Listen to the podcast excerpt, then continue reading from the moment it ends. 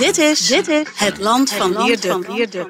En er waren zulke ernstige zaken gebeurd op die boerderij. Moeder verkracht voor de ogen van de kinderen en zo. Een podcast van de Telegraaf met analyses op het nieuws die u elders niet hoort. Het is schandalig dat het D66 zo iemand tolereert. Het is schandalig dat het CDA zo'n vent daar een CDA-bordje laat noemen. En dat er niemand optreedt en zegt van houd kap hem hiermee. Zo. Ja. Amen.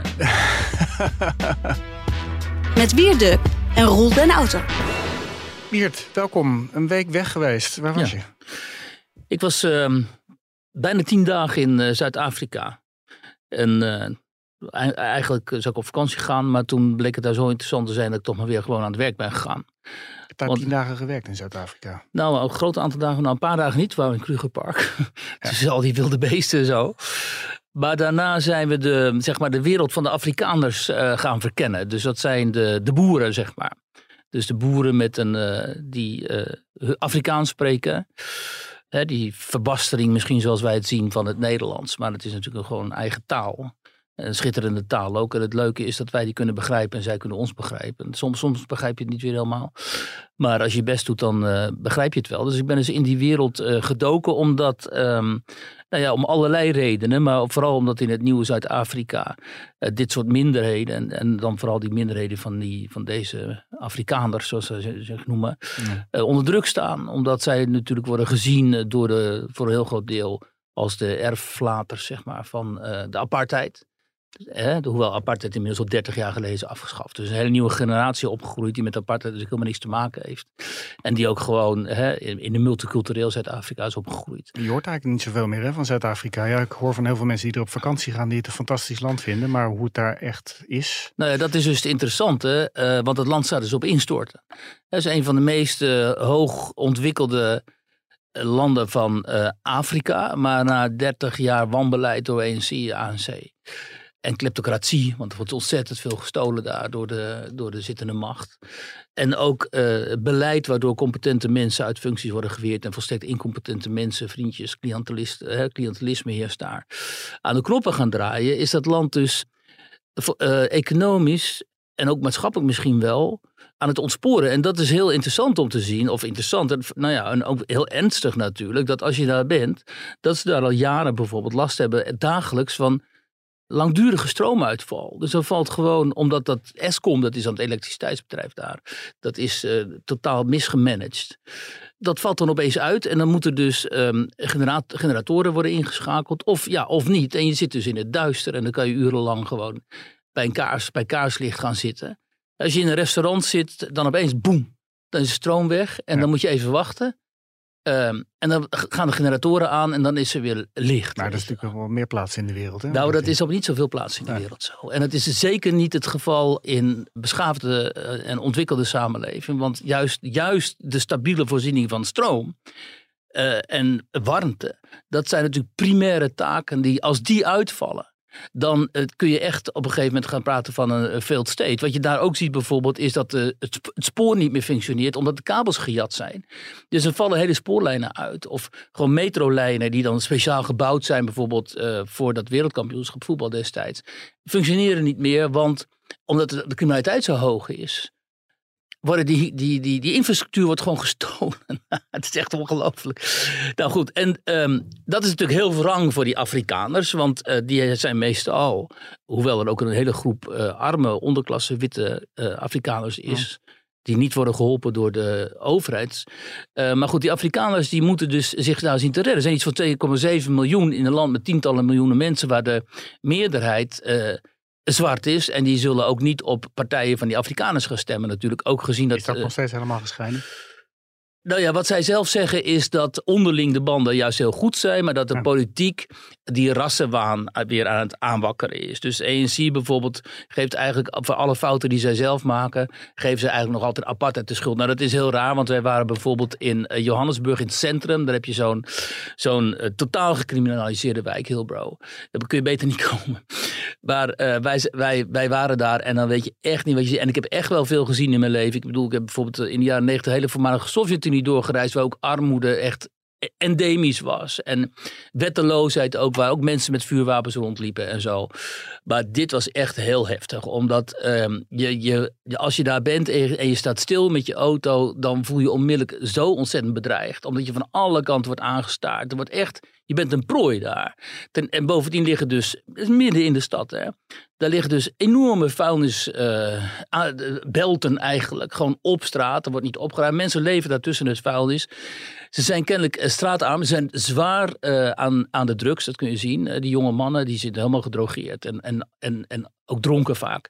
Zie je die daar rondlopen en zo, schichtig, op zoek naar, naar prooi. En jij bent er opeens zo'n prooi. Dus dan moet je op een gegeven moment echt zorgen dat je wegkomt. Ja, maar in zo'n wijk moet je misschien ook gewoon helemaal niet komen. Nee, dat is zo. Maar als dit dus in een stad is waarin dit uh, een aantal decennia geleden uh, niet het geval is. En je ziet ook het verval ook van de overheidsgebouwen, van de appartementenblokken en zo. Dan ga je afvragen, oei, is dit nog wel uh, te redden? Dus wat die Afrikaners doen, om even op het verhaal terug te komen, dat is omdat zij weten dat ze geen steun krijgen van de overheid. Dat is dat zij zich uh, zelf organiseren. En dat is eigenlijk het verhaal. Ze zorgen voor hun eigen veiligheid, uh, ze zorgen voor hun eigen onderkomens, voor hun eigen onderwijs ook, voor hun eigen maatschappelijk werk. Maar dan gaan ze in compounds wonen, zeg maar. Nou, de Afrikaners wonen sowieso, als je een beetje geld hebt, woon je in compounds. Dus iedereen die daar een, een, huis heeft wat vrij staat en zo, dat is allemaal uh, omheind. Dus overal security, dus uh, private uh, veiligheidsdiensten, die al die huizenblokken en die compounds en die vrijstaande huizen en zo bewaken. Dus dat is gewoon standaard daar, omdat je anders overvallen wordt. Maar wat zij doen is bijvoorbeeld ook burgerwachten uh, organiseren. Dus een aantal van die kerels die gaan dan een paar keer per, per week in die auto's, in die bakkies, hè, die, die, die, die mm. pick-ups. Gaan ze dan uh, uh, patrouilleren eigenlijk, daar komt het op neer, hun eigen, rond hun eigen boerderijen. En ook in bepaalde wijken waar dan heel veel illegalen wonen, want het land is ook overstroomd door illegalen. En dan gaan ze dus in samenwerking ook met de politie overigens, gaan ze daar ehm, patrouilleren. En wat nou het allemaal zo interessant maakte, is dat die Afrikaners hebben ook heel sterk een, uh, een eigen cultuur natuurlijk. Eigen, nou ja, sowieso eigen taal, literatuur, maar ook eigen, eigen muziek, rockmuziek. Het zijn natuurlijk allemaal van oorsprong in, verre, in het verre verleden Engelse of Nederlanders. Hè? Nou ja, we, hebben het hier dus over de afstammelingen van Nederlanders. Ja. Hè? Dus de komst van Jan van Riebeek met de VOC. Daar, daar, varen zij, daar, daar grijpen zij allemaal op terug. De, met de, naar de, te, oh, tegenover de Engelsen hebben ze natuurlijk een enorme hekel. Want in die Engelse en Engels, die boerenoorlogen. Ja, daar is later tegen gevochten. Daar hebben ze oorlogen mee uitgevochten. En bovendien, uh, de Engelsen hebben toen die concentratiekampen ingericht. Waar, voor, waar ongeveer 30.000 dan vrouwen en kinderen ook uh, zijn overleden. Dus zij beschouwen de Engelsen eigenlijk als schuldig aan poging tot genocide op de boeren. Dus met de Engelsen hebben zij een hele ingewikkelde uh, verstandhouding. Nog steeds, ja. Na 150, 200 jaar? nog steeds pak ik mensen die zeggen, ik ben overal ter wereld geweest, maar ik kom niet in Engeland. Want dus onderling is dus onder die blank ook een verdeeldheid. Nou, dat, uh, het interessante is dus ook dat die boeren, die Afrikaners, die voelen zich heel erg sterk verwant met die grond. Zuid-Afrika, dat, is van, dat is hun land. Uh, mm. hè? Uh, ze kijken wel naar Nederland en naar Europa, maar ja, daar, krijg, daar komt helemaal niks vandaan. Want ook uit Nederland natuurlijk, als je een blanke Afrikaner bent, dan ben je al snel in de ogen van heel veel Nederland een verdediger van het apartheidsregime. En dan ben je dus potentieel racist. Dat zag je ook bijvoorbeeld een van die uh, rockzangers, die Steve Hofmeijer, die daar dus echt een, een geweldenaar is. Hè. Dit is gewoon de Bruce Springsteen van de Afrikaner uh, gemeenschap. Die speelt in stadions en zo. Is gewoon een hele grote stem. Ook, schrijft ook boeken en zo. Is gewoon ook een intellectuele muzikant. Ik heb geen idee uh, wat voor muziek dat is. Misschien is het leuk om een stukje te luisteren. Ja, dit is niet van hem. Dit is van iemand anders, van Bok van Blerk. Maar goed, dit is dus dit type muziek, dit zeg muziek. maar.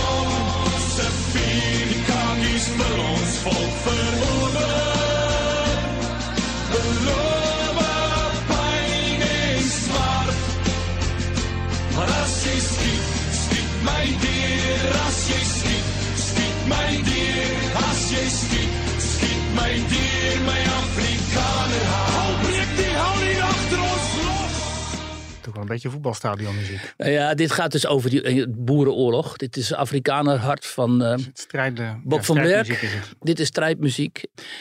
Ja, dat is dus interessant in dit soort gemeenschappen. Ik ben ook veel in andere landen geweest waar mensen hun identiteit terugvonden. Georgië, Armenië, noem maar op.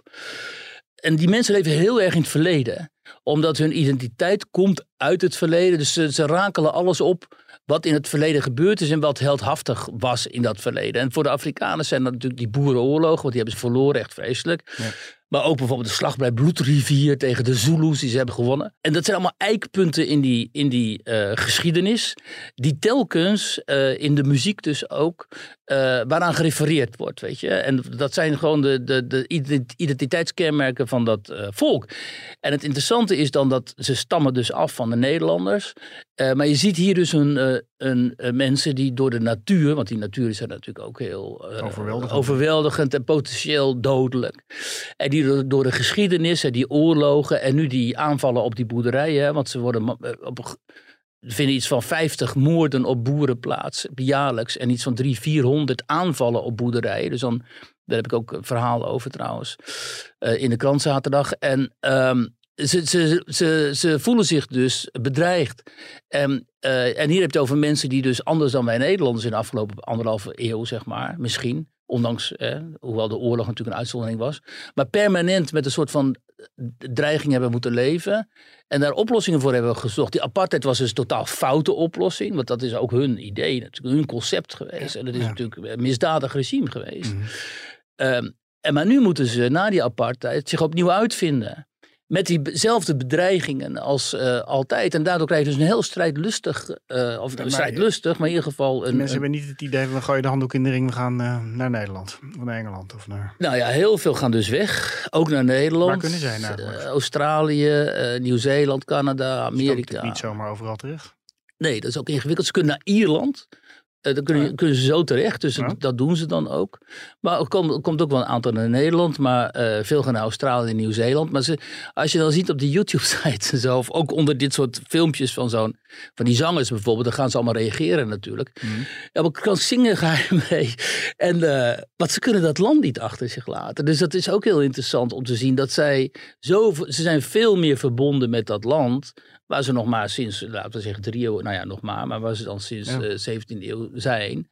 Maar op een gegeven moment moet je toch eieren voor je geld kiezen als er zoveel eh, boeren overlijden door overvallen en eh, je jezelf zo bedreigd voelt. Maar je gaat natuurlijk je gaat steeds meer daarin groeien. eh, Je gaat eraan gewend Nou ja, je kunt eieren voor je geld kiezen. Er was bijvoorbeeld een familie, die was zo verschrikkelijk toegetakeld. En er waren zulke ernstige zaken gebeurd op die boerderij. Moeder verkracht voor de ogen van de kinderen en zo. En, en, en gewelddadig toegetakeld. Die konden daar niet blijven. Die zijn geëmigreerd naar Australië omdat ze, ze konden gewoon niet op die plek blijven. Maar dat zeg ik, ze organiseren zich niet eh, voor niks zelf. Dus ze hebben hele, veil- een hele veiligheidsstructuur in elkaar gezet. Eh, ze hebben eh panic buttons op die boerderijen waar ze op drukken. En dan zijn binnen 15 minuten zijn al die boeren met die, in die pick-ups, in die bakkies. Die komen dan langs, de buren. En die mensen hebben allemaal vuurwapen. Hè? Dus die kerels die hebben dragen gewoon allemaal vuurwapen. Dus het is een soort, ja, het zijn een soort Amerikaanse toestanden ook eh, die je daar ziet. En ik denk dat ik voor heel veel mensen, nu luisteraars ook die daar veel komen, vertel ik niks nieuws. Alleen als je het in een bepaalde context plaatst, ook van wat nu hier in, nu wordt het heel heikel, wat ook Ja. hier nu in Nederland gebeurt, bijvoorbeeld met de boeren, dan krijgt dat wel een soort extra dimensie. En wat bleek, wat schetste mijn verbazing toen dus bleek dat hier in Nederland een vastgoedondernemer is, Ja. die een groep zangers bij elkaar heeft gebracht, die heet De Broederschap. En die, Kees van der Mark. precies, en die coveren een lied van die aantal van die Zuid-Afrikaanse zangers, Steve. Hoofdmeijer en ook die eh, Bob van Blerk die we net gehoord hebben en zo. Dat heet Die Land. Dat gaat dus over de verbondenheid van die Afrikaners met dat land. En die broederschap die heeft het gewoon één op één overgezet naar Nederland en dan krijg je dit.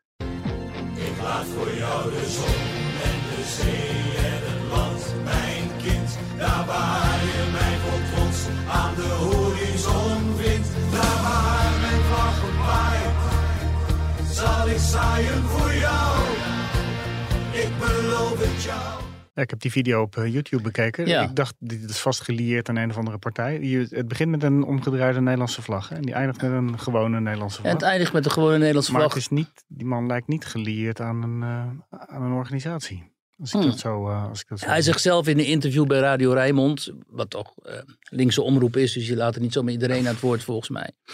publiek dat- omroep. Wat zeg je? En het is een publiek Oh ja, omroep. maar het zijn allemaal links, dus eh, dat, dan is het automatisch het geval, toch? Eh, heel links ook. Maar hij zegt zelf, die man, dat hij die mensen, die zangers bij elkaar heeft gebracht, omdat hij voor verbinding wil kiezen in Nederland, we- weg met de polarisatie. Dat zingen ze eigenlijk ook. Ja.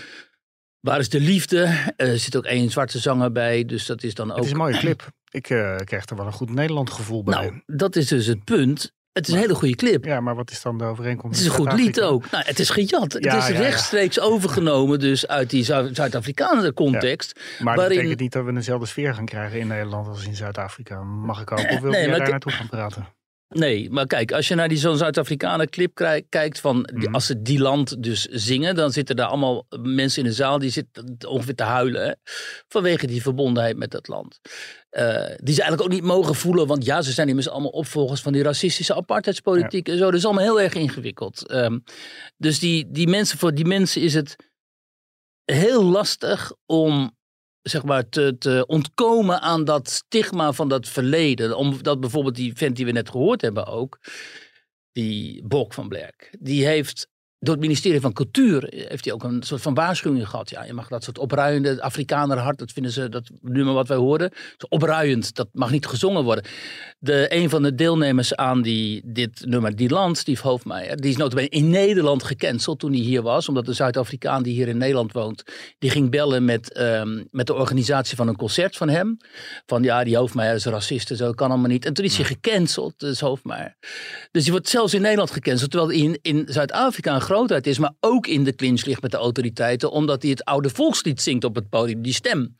Dat kan natuurlijk ook niet het volkslied van de apartheid vinden zij. Dat mag je niet zingen. Dus dat is dan ook heel erg ingewikkeld. Terwijl hij zegt, ja, weet je, dat, eh, maar dat is rebel die gast. Die zegt, dat maakt me allemaal niet uit. Ja. En, maar die wordt wel dus, ge, ge- er wordt gepoogd om hem te cancelen vanwege zijn activisme. Nou, en nu komt dat naar Nederland. Ja, met de clip De Broederschap. Ja, van de broederschap. En wat betekent dat dan? Ja, Wat betekent het als ik zoals gisteren naar Scheemda rijd? Daar gaan we het zo meteen over ja hebben. dat zo. En ik zie nog meer omgekeerde vlaggen overal. Nog meer dan een aantal maanden. hè? Het is ongelooflijk. En ik zie ook dat als die dingen rafelen door de wind op een gegeven moment, dan worden ze ook vervangen. Ze worden gewoon vervangen. ja. Dus jij zegt, kunnen we dat overzetten naar de Nederlandse context? Nee, natuurlijk niet, want we hebben die geschiedenis niet. Maar wat, wat deze mannen zingen in die clip. Trots Over- op hun land. Nou ja, trots op hun land. Hè, dat mag in Nederland ook totaal niet. Want dan word je door deze 60 en GroenLinks gekielhaald. Dus dat, En te veel te veel mensen trekken zich daar ook iets van aan. Hè? Als jij zegt, ik ben trots op Nederland. Dan krijg je dus die hele deugmeuten over je heen. Van waarom mag je, je mag niet trots zijn op je land. Dat is allemaal nationalisme en zo. En dan gaan al die mensen in de hoek zitten. Maar deze, als het Wilhelmus wordt gezongen hè, voor eh, oh, een wedstrijd van Oranje. Want dan zingen we allemaal mee. En dan eh, kunnen we ook een traantje laten. Nou, ik heb Femke Halsema wel eens een keer het volkslied niet mee zien zingen ergens hoor. Dus ik denk niet dat in, ve- in veel linkse kringen het volkslied wordt gezongen. Of dat daar een soort emotie bij. Die, gaan helemaal, die worden helemaal kierenwiet als ze het Europees eh, lied horen. Dan gaan ze helemaal juichen en zo. Nee, maar wat belangrijk is, is dat dit soort... Dat dit project dan, ik weet er verder niks van, dus ik moet nog onderzoeken, maar dat dit project dan ook ge- ge- gerealiseerd wordt. Dat die kerels die dus uit de muziek, van, het- uit de sfeer van het entertainment komen, eigenlijk een soort soortgelijke tekst zingen als die Afrikaners. Dat daar, dat zie ik op YouTube, emotioneel op gereageerd wordt door mensen. Ja. In de context van de omgekeerde vlaggen en van de borden van BBB die je ook overal ziet. En een voorspelde grote winst voor Caroline van der Plas, die vervolgens bedreigd wordt en niet meer naar grote optredens kan. Dat wil ik ermee zeggen. Dus het is een onderstroom. Hier is een onderstroom die in de mainstream ofwel eh, wordt genegeerd aan de talkshowtafels en zo. Ik zit ook niet meer zoveel aan die talkshowtafels. Hè. Dus ofwel wordt gen- genegeerd of als bedreigend wordt gezien. Want je ziet die Jan Paternotte en zo, wat- die zie je Ja. overal optreden. En Ja. waarschuwen, waarschuwen, waarschuwen. Maar die wel bestaat. En ik ben vreselijk benieuwd wat dat nou 15 maart uiteindelijk gaat opleveren. Ja. En of het inderdaad zo is dat die onderstroom echt zo groot is als ik nu vermoed. Omdat als ik door het land rijd en ik spreek met mensen, ik zie al die vlaggen, denk ik, ja, dit is echt Ja, dat al een aantal maanden gaande en het is reusachtig. Ja, je ziet het door, oh, langs al die wegen, maar dat hoeft toch niet in steden te leven. hè? Dat, maar dat, daar zijn we inderdaad heel benieuwd naar over hoe dat gaat aanslaan. Ja. En, en ik denk dat het mee zal vallen. eh, omdat in Nederland is, denk ik dat VVD gewoon weer, dat zie je ook in de peilingen wel, grootste partij wordt. Dat die andere partijen redelijk worden weggevaagd trouwens, CDA en zo. Dat, dat wordt ook allemaal, dat wordt over, allemaal overgenomen door die boeren. Maar dat links ook GroenLinks de Partij van de Arbeid gezamenlijk best een goede uitslag zullen gaan Nou, dat klinkt heel somber uit jouw mond, Geert. Eh, nou ja, ik, ik ben gewoon eh, objectief waarnemer. Hè, dus ik maak me daar. eh, ehm, ja, nou ja, ik ben. Ja. Eh, kijk, bij de, vergeet niet, bij de vorige statenverkiezingen is eh, Forum voor Democratie de grootste geworden. Ja, hè? uit het niets. Uit het niets. Dus, eh, dus we weten het niet. Ja, maar ik vind wel. was natuurlijk meer een soort stedelijke eh, beweging. Hè? Dat is niet een plattelandsbeweging eh, van oorsprong. Nou, ik denk wat toen heel knap was aan Forum voor Democratie, dat ze dus zowel ontevredenheid op het plat, op, in de landelijke gebieden als in de steden wisten te mobiliseren. Omdat ze toen nog een soort van gematigd programma, gematigd protestprogramma hadden. En ook heel veel eh, potentiële PVD, PVV, of heet dat, ehm, eh, VVD en CDA-kiezers trokken. Maar die hebben ze nu van zich vervreemd. En ze zitten nu veel meer in de, in de denk ik, in de culturele protesthoek, zowel op platteland als in de steden, maar van mensen die zich helemaal van het systeem hebben afgewend. Ja. En die gewoon denken dat het systeem voor hen vijandig is. En dat wakkeren ze ook heel erg Ja, aan. volgende week eh, zijn die verkiezingen, dan zullen we het weten. Maar eerst hebben we zaterdag natuurlijk nog de grote demonstratie van de Farmers Defence Force. Die eh, is, eh, in Den Haag eh, gaat gebeuren. Eh, Caroline van der Plas die had er eh, graag bij willen zijn, dat zei je net al. Maar eh, die gaat niet komen. En bij eh, VI zei ze er het eh, volgende over. Ja, wat ga je, ga je naar die demonstratie dit weekend ook? Ehm, ja, dat is, is een hele lastige. Maar niet op de tractor. Nee, maar ehm, ik heb besloten niet te gaan. Oh. Omdat ehm, er, nou, je weet, de afgelopen zomer eh, zijn er bedreigingen geweest. Is een tijdje weer rustig gebleven. En de laatste week is het heel erg onrustig. En er zijn een aantal dingen eh, gebeurd. waardoor ik mij op dit moment niet veilig genoeg voel om in zo'n massale publieksbijeenkomst op een podium te gaan staan. Dat is toch afschuwelijk. Dit had haar podium moeten zijn. Ja, en dan zijn er dus allemaal mensen op, op sociale media die zeggen: ja, dit is allemaal onzin. eh, ho- hoezo bedreigd? Ze durft er gewoon niet naartoe te gaan. Ze wil niet eh, geassocieerd worden met die groepen daar. En, ehm, en ehm, op deze manier probeert ze dan daar onderuit te komen. Dat is natuurlijk ook. Die mensen, mensen zijn tegenwoordig zo ontstellend zien. Want, want zeggen die mensen: kijk, maar Geert Wilders staat er wel. En die wordt toch ook bedreigd? Ja, maar Ja. Geert Wilders heeft een hele peloton aan beveiligers om Ja. zich heen. En ik denk niet dat Caroline van der Plas dat eh, A zo snel kan organiseren en B zin heeft Ja. om op die manier naar zo'n optreden te Maar ik heb gaan. de laatste dagen een paar van die filmpjes gekeken die Gideon van Meijeren onder andere opneemt. Van dat de is niet FVD. lekker, hè? Daar worden toch elke keer wel een soort van indirect eh, Ja. wordt zij ja, bedreigd. Het, het, het wordt eh, vanuit zijn standpunt gezien misschien slim gedaan, maar het is echt wel heel eh, intimiderend. Dat is heel kwalijk, omdat zij wordt natuurlijk zowel vanuit de linkse hoek, vanuit de hoek extreem links, van de hoek van de volk, potentiële volkers, zeg maar, Mhm, ja. als vanuit de hoek van de FVD, voor wie Ja. zij politiek een bedreiging is, wordt zij bedreigd. Dat lijkt me verschrikkelijk. Ja, want zij zou een soort, eh, een soort nep-politicus zijn die door de gevestigde macht Gewoon een, muppet van de agrarische industrie, weet Ja, je wel. ja, En ja, zo wordt ze dan neergezet. Nou ja, door links wordt ze natuurlijk neergezet. En je hebt echt van die mensen. Je hebt bijvoorbeeld één iemand, Piet Let Lekkerkerk. Deze prominent eh, D66-lid zat ook destijds zo'n Kaag, weet je wel. Die, die, die, die speech hield, zat hij ook op de voorste rij. Die zit permanent Caroline van der Plas als fascist neer te zetten. Of je hebt die PG Kruger, ik spreek die naam af, Kreuger, Kroeger, één, Kroeg R. Vroeger was van in, eh, CDA. Zuid-Afrika. Ja, ja, Kruger was Zuid-Afrika en Kroeg R is van het CDA. Het CDA bekend, een prominent CDA, eh, eh, intellectueel kun je het niet noemen, maar watcher, CDA-watcher.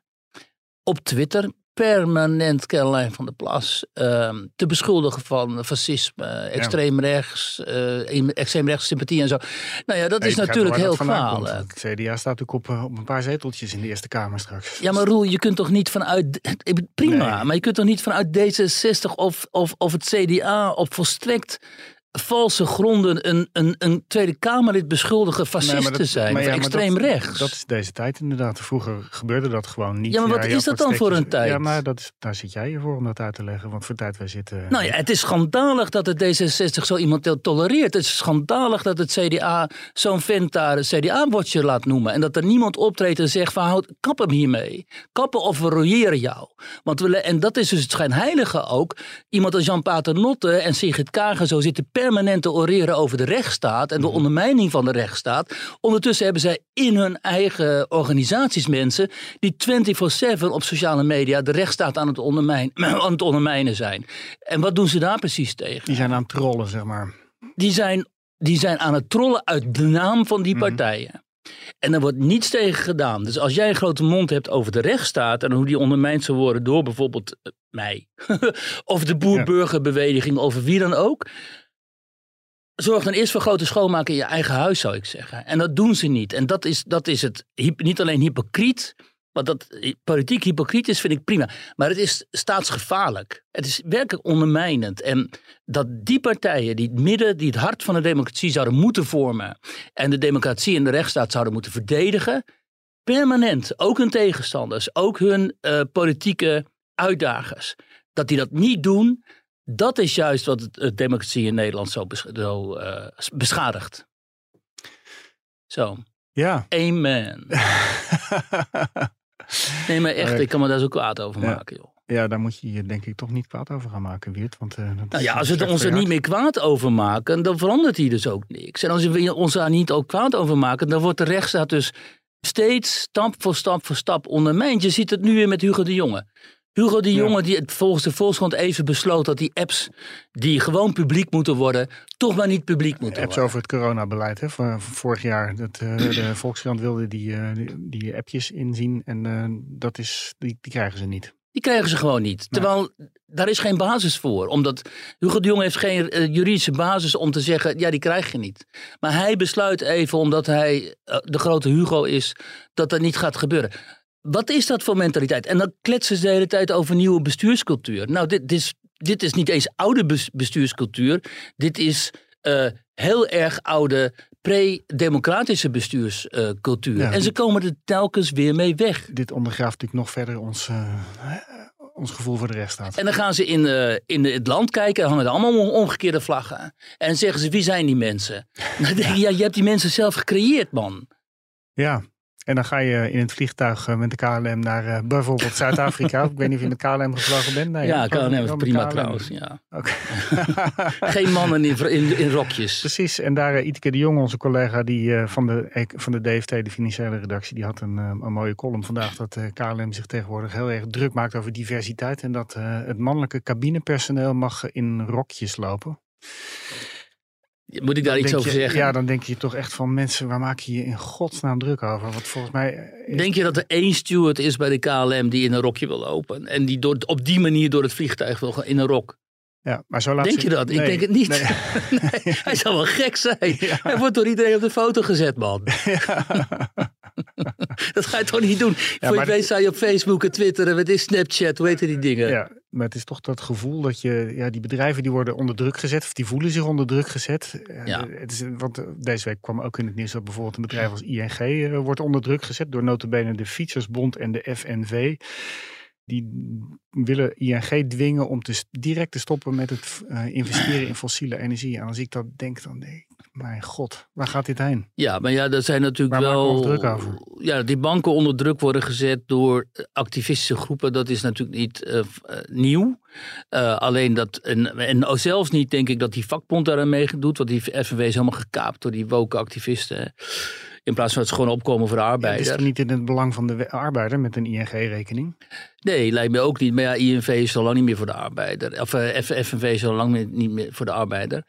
Het is ook zo raar, omdat eh, ten eerste eh, kunnen we nog lang niet zonder fossiele brandstof. Dat kan gewoon niet. Dan kun je beter gewoon de economie stopzetten. Dan, hè, dan moet je er gewoon mee stoppen. Nou, dat soort stemmen heb je al. Hè? Mensen die zeggen, ja, we moeten eh, niet naar minder groei, maar we moeten gewoon stoppen met groei. Bijvoorbeeld met de economische groei. Nou, dan zit je in de hoek van Rut, Rutger Bregman en Ja. dat soort eh, types. Stuk. Ja, dus dan moet de economie gewoon stuk. Maar bovendien, die fossiele bedrijven, die lenen helemaal niet zoveel van banken. Omdat ze hebben gewoon eigen geld wat ze in investeringen stoppen en zo. Dus het is ook een Ze beetje... maken een, genoeg winst in ieder geval. eh, ja, dus het is een beetje een soort schijnprotest ook om te laten, om virtual signaling, weet je wel, om te laten zien dat je deugt als organisatie. De VPRO zat er ook bij, Ja, notabene. ja, ja. De VPRO. Te- voor de VPRO wordt volgens mij heel veel gevlogen. Hè? Voor al die reisprogramma's en zo. Reizen overal naartoe. Dus eh, overal kerosine en zo. Ik vond het ook wel grappig dat de Fietsersbond had het ook ondertekend. En dat zijn allemaal mensen met elektrische fietsen. Die toch die elektrische fiets Ja, opladen. Ik weet niet waar die stroom vandaan komt. Maar die komt er volgens mij uit de stopcontact. En dat komt uit een gascentrale of een kolencentrale of kerncentrale. Maar dat willen ze allemaal niet meer. nee. Maar weet je, ik heb besloten, deze gekte, dat, dat is, daar, je gaat er we- niks tegen doen. Eh, Dat gaat maar door. Op een gegeven moment, misschien dat ze tegen de, zelf met hun hoofd tegen de muur lopen. Dat het dan enigszins stopt of zo. Maar het heeft heel weinig zin om je daar nog heel erg druk over te maken, denk ik. nou, waarom Ehm, niet? Je moet gewoon daar je tegen blijven verzetten. Want eh, als je dit allemaal maar goed vindt, waar, waar gaat het dan eindigen? Nou ja, maar je hoeft, moet je niet verzetten tegen incidenten. Kijk, zo'n KLM-steward met een rokje, weet je wel, eh, be my guest, weet je. Maar het is onderdeel van een veel groter Ja. geheel. Dus de context is dat in- inclusiviteit, diversiteit, is een nieuwe religie geworden. En dat vind ik ook best, alleen niet op het moment, zoals wat je ziet dus in Zuid-Afrika dan, dat er bijvoorbeeld eh, eh, mensen naar voren worden geschoven, mensen in functies komen ten koste van capabele mannen bijvoorbeeld, terwijl ze incompetent zijn. Kijk, en zover is het in Nederland nog niet, maar in Zuid-Afrika bijvoorbeeld. eh, ik heb bijvoorbeeld een neef, die heeft een zoon. Hele capabele, capa nou, twee zoons, maar capabele jongens. In Zuid-Afrika opgegroeid, dus eh, helemaal verzuid-Afrikaniseerd en zo. Hoge functie in het financiële wezen daar. En op een gegeven moment is die jongen, eh, de ene dan, weggegaan. Eerst naar Nederland en nu zit hij elders. Omdat hij eh, daar niet in aanmerking kwam voor de functie die hem eigenlijk toekomt. Eh, hij kan geen promotie maken, omdat voor hem nog een heel peloton aan vrouwen, mensen van kleur enzovoort enzovoort. Die, die ook niet zelden slechter opgeleid zijn dan hen. Die krijgen de voordeur, omdat de rassenverhoudingen in Zuid-Afrika. die moeten dus overal een, eh, geprojecteerd worden. Dus in Mhm. elk bedrijf en zo, elke overheidsinstantie moet de rassenverhouding zo zijn als in de samenleving. Nou, dan krijg je dus iets van 80% eh, of misschien nog wel meer, denk ik. Zwarten in functies, zwarte mensen. Ja. En zoveel hoogopgeleiden voor al die functies zijn er natuurlijk nog niet. Dus daarom trekken heel veel blanken die iets kunnen, die, die, die trekken dan weg. Die denken, ja, ik heb hier helemaal geen toekomst meer. Tenzij je Afrikaner bent op zo'n boerderij en zo, dan nog wel. Of je, of je werkt helemaal in je eigen, zoals die Afrikaners doen, in je, in je eigen infrastructuur, wat dus super interessant is. En dat is uiteindelijk het gevolg van politiek van diversiteit en inclus- inclusie. Ook in, in Nederland. Want je ziet dus in Nederland de afgelopen tijd hebben we natuurlijk een aantal schandalen gezien. Van mensen die niks konden en die wel op functies eh, terecht waren gekomen. Hè. Zoals die, die Kautar Darmoni, weet je nog, die, die buikdanseres en zo. Die moest weg bij het Ja. emancipatiebedrijf. Maar in Amsterdam heb je ook van die wethouders. Nou ja, hoe heet ze? Shula Rijksman. Ja, die kon ook niks. Die Ja. wordt wethouder. En je hebt er nou nog zo iemand, eh, waarvan ik even de naam ben vergeten. Ook zo'n dame, die kan ook niks. Maar die zit er ook puur omdat ze allochtoon en, en, en vrouw is, weet je. Ja. Maar ben je niet gewoon nu een mopperende oude man die een achterhoedegevecht aan het leveren is? Eh, dat laat ik aan de luisteraars om daarover over te oordelen. Maar die zullen ongetwijfeld met hetzelfde type problematiek ooit wel in aanraking zijn gekomen. En, eh, kijk, en dat is dus het probleem. Eh, niet die steward met het rokje, maar als dit uit balans raakt. En als de, zeg maar, ik bedoel, Kamala Harris bijvoorbeeld, die zit er natuurlijk ook niet omdat ze zo krankzinnig competent was. Want dat is ze helemaal niet. Weet je wel, die haalde ooit de Slo Slovenië en Slovakië Ja. door elkaar en zo. Ja, je moet natuurlijk gewoon mensen aannemen om dat, wat ze kunnen.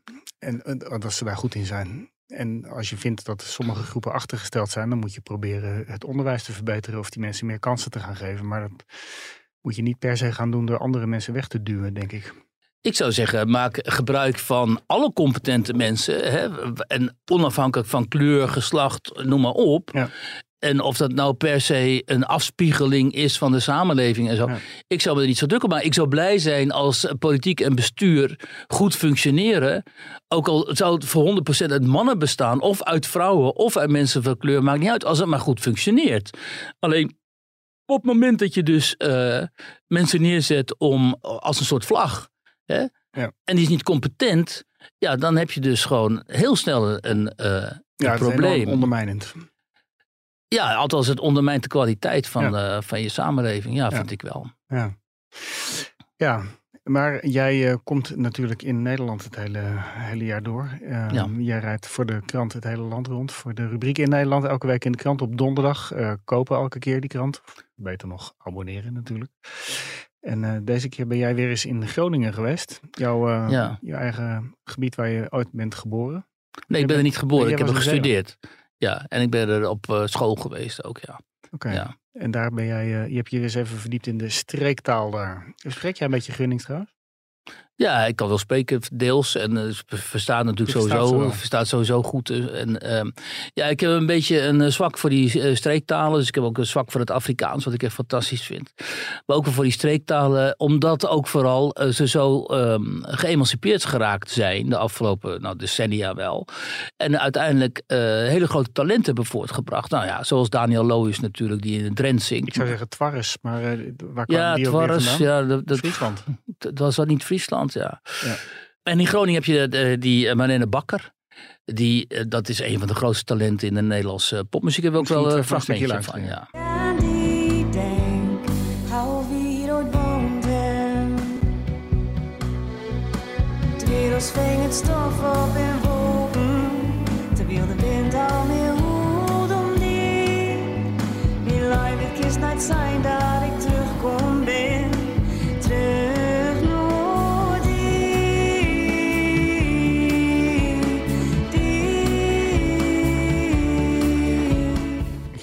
intensief zitten luisteren. Wat zegt ze nou? Maar Ze heeft het over eh, dat ze terugkeert eh, op, in het land, op het land waar zij dus is opgegroeid, dus eh, grootgebracht.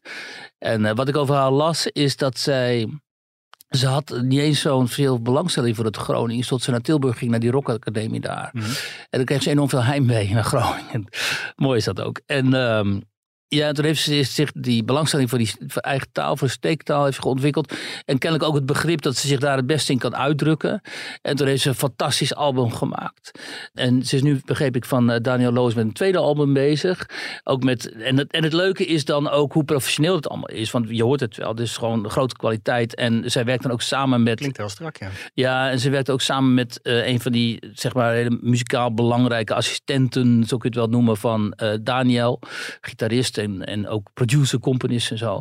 Die componeert ook voor haar. Dus het speelt zich allemaal op een heel hoog niveau, muzikaal niveau af. En net zoals Daniel Loos natuurlijk, ook als hij hier in de Amsterdam is, gewoon uitverkocht. En de laatste keer dat ik hem zag was in de grote zaal van de Oosterpoort in Groningen. Totaal uitverkocht, eh, publiek. Dus het, dat is al totaal geprofessionaliseerd en geëmancipeerd. Dat is het leuke, die streektalen hebben zich geëmancipeerd. En uiteindelijk komen daar dus grote talenten uit voort. En eh, in Scheemda nu is eh, dit weekend dan dat Grasnapolski Festival in die wa- waanzinnige fabriek, oude strokartonfabriek, de toekomst. Wat een van de zeg maar, iconen van industrieel erfgoed in Nederland is. Dat is een oude strokartonfabriek, die is helemaal geript daar, maar die staat er nog steeds. En die wordt dan Oh. gebruikt voor dit soort festivals en zo. Dat is ook altijd heel fijn. Ehm, en daar is dan een eh, soort streektalenproject met een aantal dichters uit zowel eh, Noord-Duitsland, dus Emsland en Holstein en zo, daar dus in het noorden van Duitsland. Verwant gebied, hè? Precies, die spreken plat Duits. En dan dichters uit Nederland. En die spreken dan Gronings of, of, of, of Drents Staan desnoods. elkaar trouwens, die met Duitsland... eh, Jazeker, omdat het is het Neder-Saxische taalgebied. mhm. Ehm, ik was daar om die mensen te interviewen. En die ene jongen, die ene Duitse jongen, die spreekt dan in plat Duits uit met Holsteiner variant, zeg maar. En dat had ik nog nooit gehoord, althans niet op die manier. En dat, dat is echt bizar, omdat je verstaat gewoon alles natuurlijk, maar het is ook heel... Het is dan zoals het Afrikaans, zeg maar. Dus het is heel... komt direct binnen of zo. En hij, hij zegt ook van, hij verstaat... Als, als Daniel eh Loos over Annelies zingt, dat, dat, dat liefdesliedje van hem, zeg maar... dan verstaat hij dat beter dan zijn zwager uit Zuid-Duitsland... die in Baden-Württemberg eh, leeft. En dat begrijp ik heel goed, want die Schwaben en zo... dat is voor mij ook totaal... Ik spreek goed Duits, maar als ze in Schwabisch beginnen... dat is voor mij het volstrekt niet... of die Bayern, eh, onbegrijpelijk. En dat is voor hem dus net zo lastig. Dus zijn taalverwantschap is groter met Drenten en Groningers uiteindelijk, als hij zijn eigen taal spreekt, dan met mensen uit Zuid-Duitsland. Nou ja, en zij ontwikkelen dan deze week een project. Dat moet al zondag daar worden opgevoerd. Ze hebben nog geen idee toen ik daar was. Hoe dan precies? Maar dat is ook niet belangrijk. Het interessante is wat zij vertellen over wat het nou betekent als je dan uitdrukt in die streektaal. Bijvoorbeeld, die had daar ook die Otto Grote, of Grote, dat is dan ook een Duitse jongen. En die had eigenlijk, die kwam vanuit het noorden daar. En in zijn jeugd had hij enorme haat ontwikkeld tegenover die eigen regionale taal of dialect, zeg maar. Want het was voor hem alles wat bekrompen is en achterlijk. En hij wilde daar weg. Hij wilde, precies, hij wilde naar de grote stad en zo. En hè, bekende gitarist, zanger worden en zo. In het Hoogduits en zo. Totdat hij begreep van, dat hij zich in dat Hoogduits helemaal niet zo kon uitdrukken als in de eigen spreektaal. En toen is hij dus in dialect eh, gaan zingen. En nu is hij meer, min of meer beroemd. Treedt veel op met Bert Hadders. Dat was weer een Groninger eh, eh, muzikant is die in het En dan treden ze gezamenlijk op. Wat ook leuk is. Ehm, maar dat is zo, als je met taal werkt zoals wij, is het voor mij heel interessant om te horen wat zo'n jongen zegt. Dat hij dan zegt, ik kan me eigenlijk, ik lieg in elke andere taal behalve in het plat Duits wat ik dan gebruik. Daarin ben ik mijzelf. En het is natuurlijk heel interessant om te begrijpen wanneer mensen inderdaad zichzelf zijn. Weet je, het raakt uiteindelijk zelfs aan die problematiek van dat idiote, die idiote trend dat op onze hoger onderwijsinstellingen, vooral op de universiteit, alles in het Engels gaat. En dan krijg je zo'n soort steenkolen Engels, omdat daar drie internationals in de zaal zitten, de rest allemaal Nederlands. En dan spreekt, spreekt iedereen steenkolen Engels met elkaar om maar die internationale studenten aan te kunnen trekken. En, en uiteindelijk is dus de kwaliteit van je onderwijs gewoon slechter, omdat die mensen die kunnen zich helemaal niet Ja. echt uitdrukken in Nee, dat, in dat ik merk Engels. het eh, op de spinningles bij, eh, bij de sportschool. Dat eh, zitten er twee Engels in die les. En dan gaat de, de instructeur over op een soort van steenkolen Engels. Ja, en dan moeten jullie er ook wel aan meedoen. ja, Omdat zo, die twee ja. Engelsen niet eh, begrijpen wat, eh, wat zo'n man in Nederlands zegt. Ja, hè? dat is wat. Ja. Kijk, uiteindelijk geen trots op je eigen taal betekent geen trots op je eigen cultuur, geen trots op je eigen land. En uiteindelijk, dames en heren, geef je je land weg. En het is niet slecht per se, en het is ook niet racistisch, en het is ook niet extreem rechts, om een soort van trots op je eigen taal, op je eigen cultuur, op je eigen land te ontwikkelen. Zodat je ook dat land uiteindelijk, de ondermijning ervan, waar we het net over hadden bijvoorbeeld, kunt herkennen. Oh, Siri, die wilde onmiddellijk al tegen mij ingaan. Zie je? Dus, ja, eh, Syrië eh, staat je niet. Nee, maar zodat je, zodra, zodat je ook gewapend bent. Dat is wel als laatste, vind ik belangrijk. Je moet gewapend zijn en zelfbewust, zoals de Friesen dat zijn, bijvoorbeeld met hun taal en cultuur en identiteit. Om ook te weten wanneer het tijd is om tegenspraak te leveren. En de Friesen weten dat als geen ander, want die hebben toen bij de slag bij Waan, zoals dat al tegen de Hollanders gezegd. Tot hier en geen stap verder. Eén stap verder. Wierduk heeft gesproken. Was dit het laatste? Wij gaan eh, volgens mij eh, gewoon volgende week verder. Wacht even, ik ga even uitzoeken wanneer die slag was. Want dat moeten mensen. Ik ben niet voor niks natuurlijk. Oh. eh, hoe heet Slag in dat? Friesland bedoel je? historicus, hè? Ja, maar ja, die was in, op 26 september, dames en heren, 1345. De slag bij Warns. U kunt het allemaal opzoeken. Oké. Volgende week zijn we er weer. Juist.